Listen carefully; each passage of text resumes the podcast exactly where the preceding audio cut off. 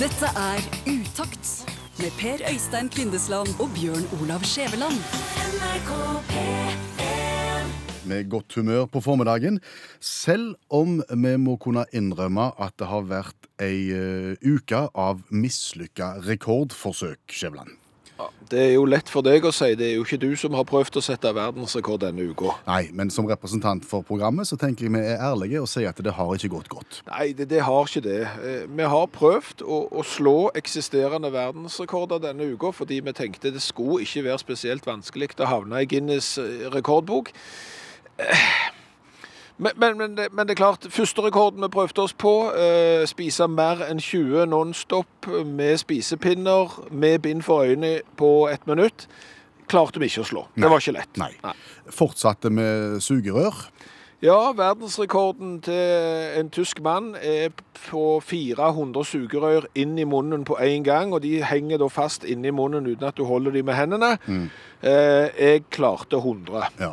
Som mann snart 50 år, hvordan Ja. oppleves det å sitte med 100 sugerør i munnen? Ja, det er ubehagelig. Ja, nettopp.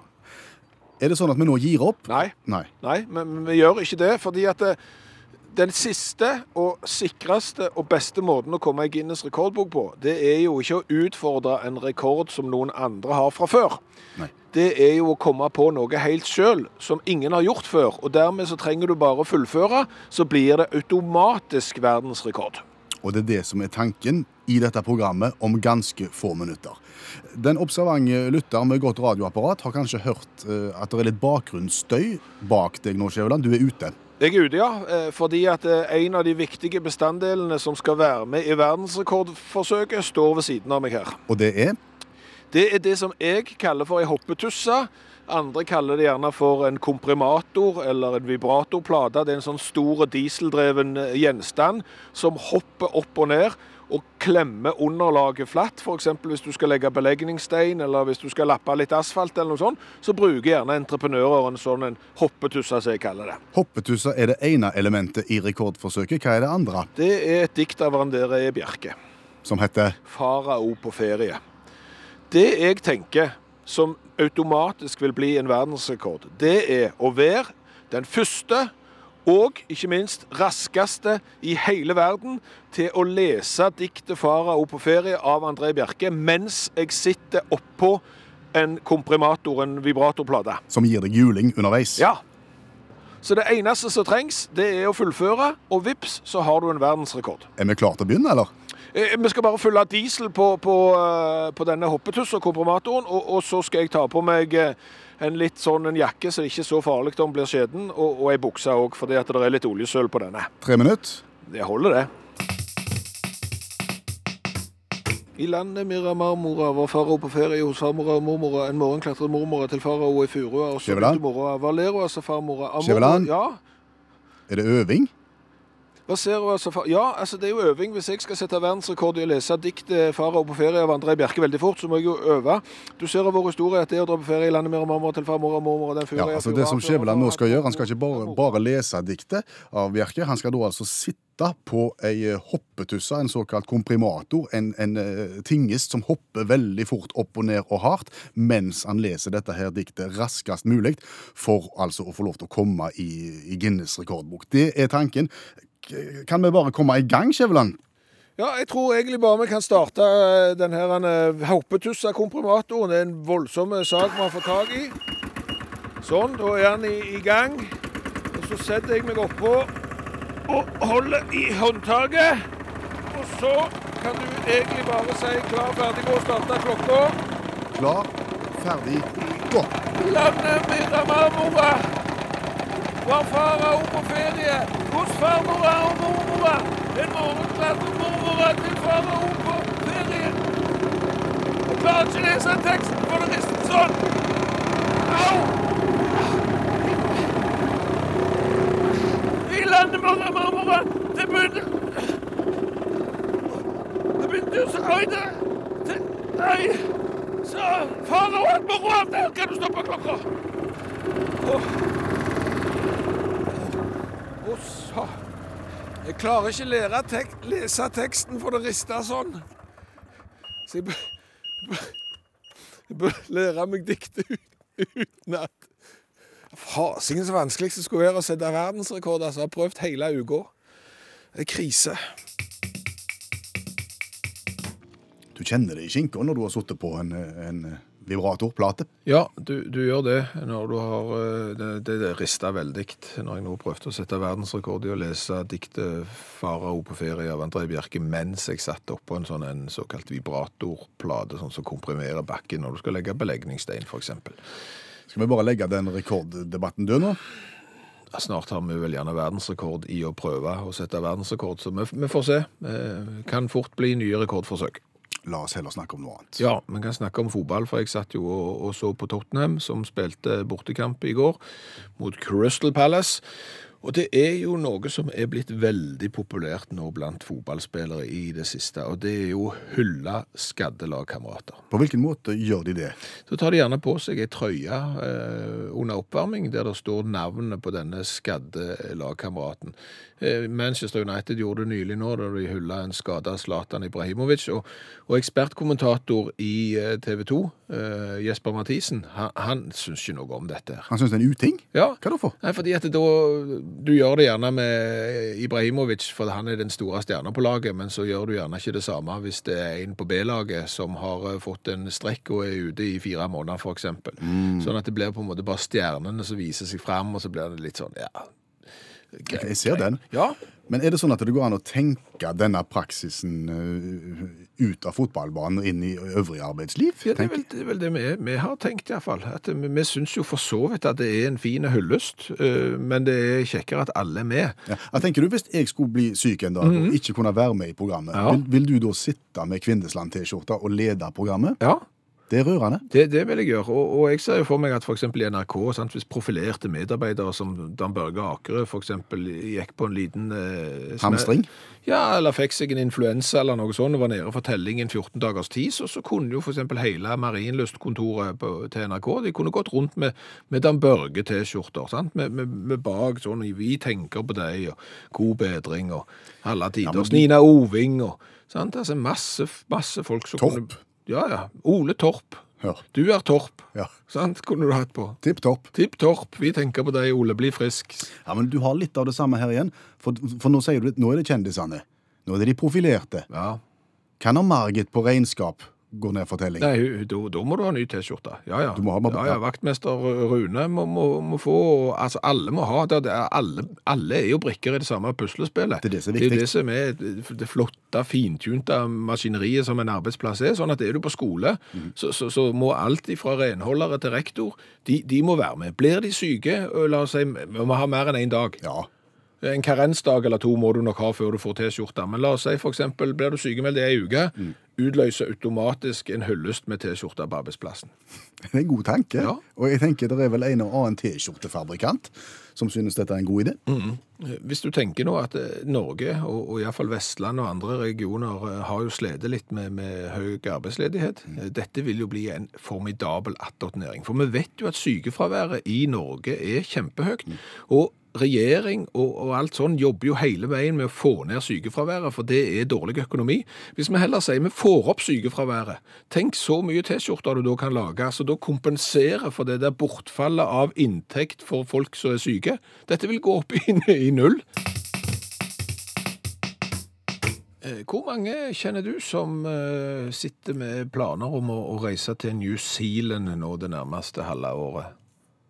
Skal jeg være helt ærlig med deg? Ja. Ingen? Ingen Nei.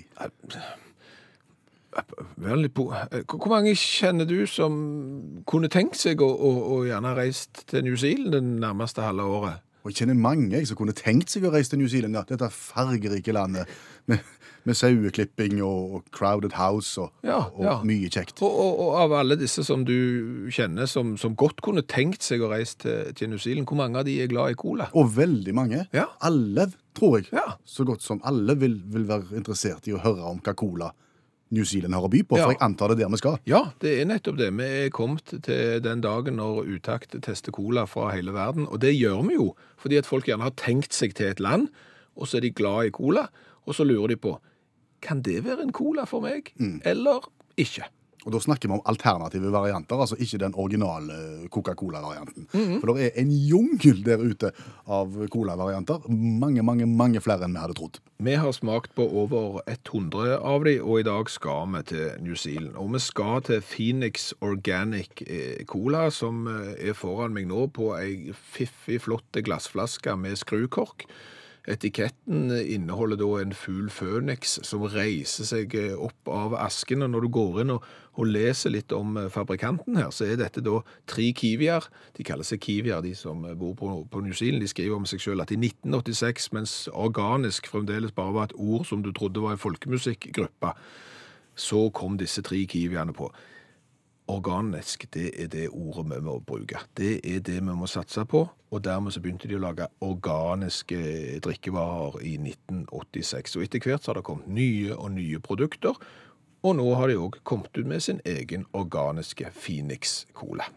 Gro er det som har sendt oss denne flaska her, og Gro sier at hun har smakt på den. Hun er spent på hva vi syns. hun, hun tror hun kan hun, hun aner hva vi kommer til å si. Okay. sier det skjønner jeg, hva, hun legger i det, det skjønner jeg ikke. Nei, nei, det skal ikke være forutinntatte, men jeg kan si det at fargen er ikke svart, han ligner mer på iste, så jeg er skeptisk. Ja, og, og det som vi har vært borti tidligere av ting type organics, Ja. har vært katastrofe. Ja, eh, cola skal på en måte ikke være bra for noen ting. Det skal bare egentlig være usunt og fullt av sukker og, og farlig og vondt. Men nå åpner jeg skrukorken, heller denne lyse, brune, istefargede drikken oppi et glass. Det ser nesten ut som, om du hadde tatt og blanda et halvt glass cola med et halvt glass vann. Et utvanna cola, ser det ut som. Er du klar? Vi smaker, og gir karakter fra én til ti på smak. Det lukter helt spesielt, Oi, ikke godt.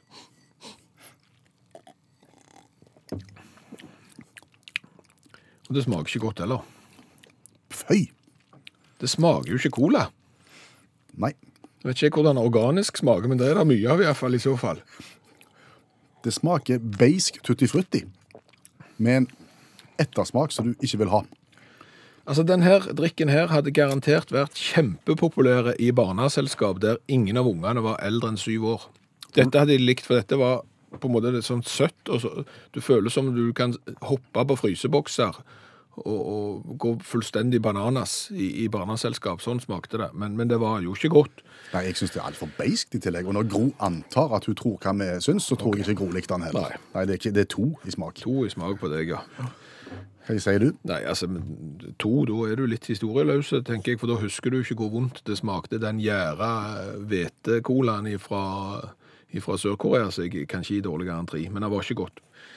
Hvor kult var det? Ganske stilige flasker, det skal han ha. Ja. Det er glass, og det er skrukork og litt artig etikett. Ja. Men ordet organisk Nei, trekker jo ned her i akkurat denne sammenhengen, så jeg går på fire. Ja.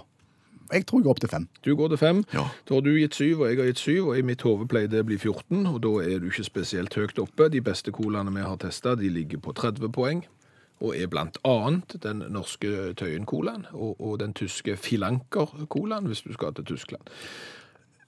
Da tenker jeg, eh, du som hører på radioen, du har sikkert lyst å se og vite mer om alle disse variantene vi har eh, vært igjennom.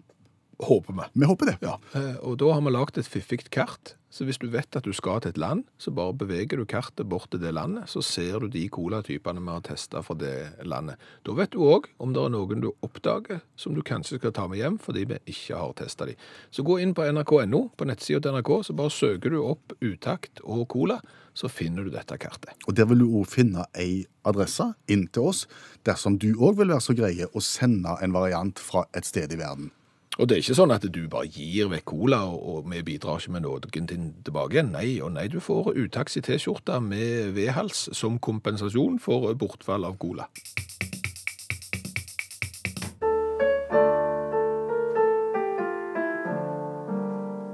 Utakt kaller en spade for en spade.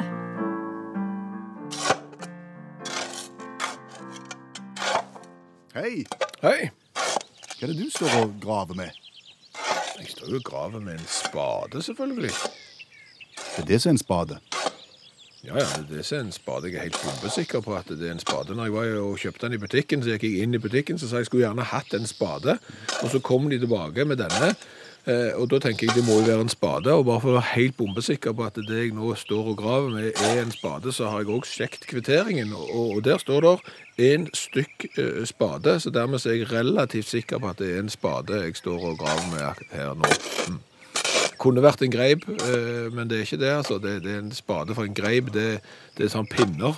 Denne er mer som en skje, men han er ikke oval i bånn. Han er avkutta i bånn, så, så han er ikke helt en skje heller. Så dermed så må det være en spade. 100 sikker. Jeg er 100 sikker på at dette er en spade, ja. Du har hørt Utakt kalle en spade for en spade. Dette er Utakt med Per Øystein Kvindesland og Bjørn Olav Skjæveland. NRK P3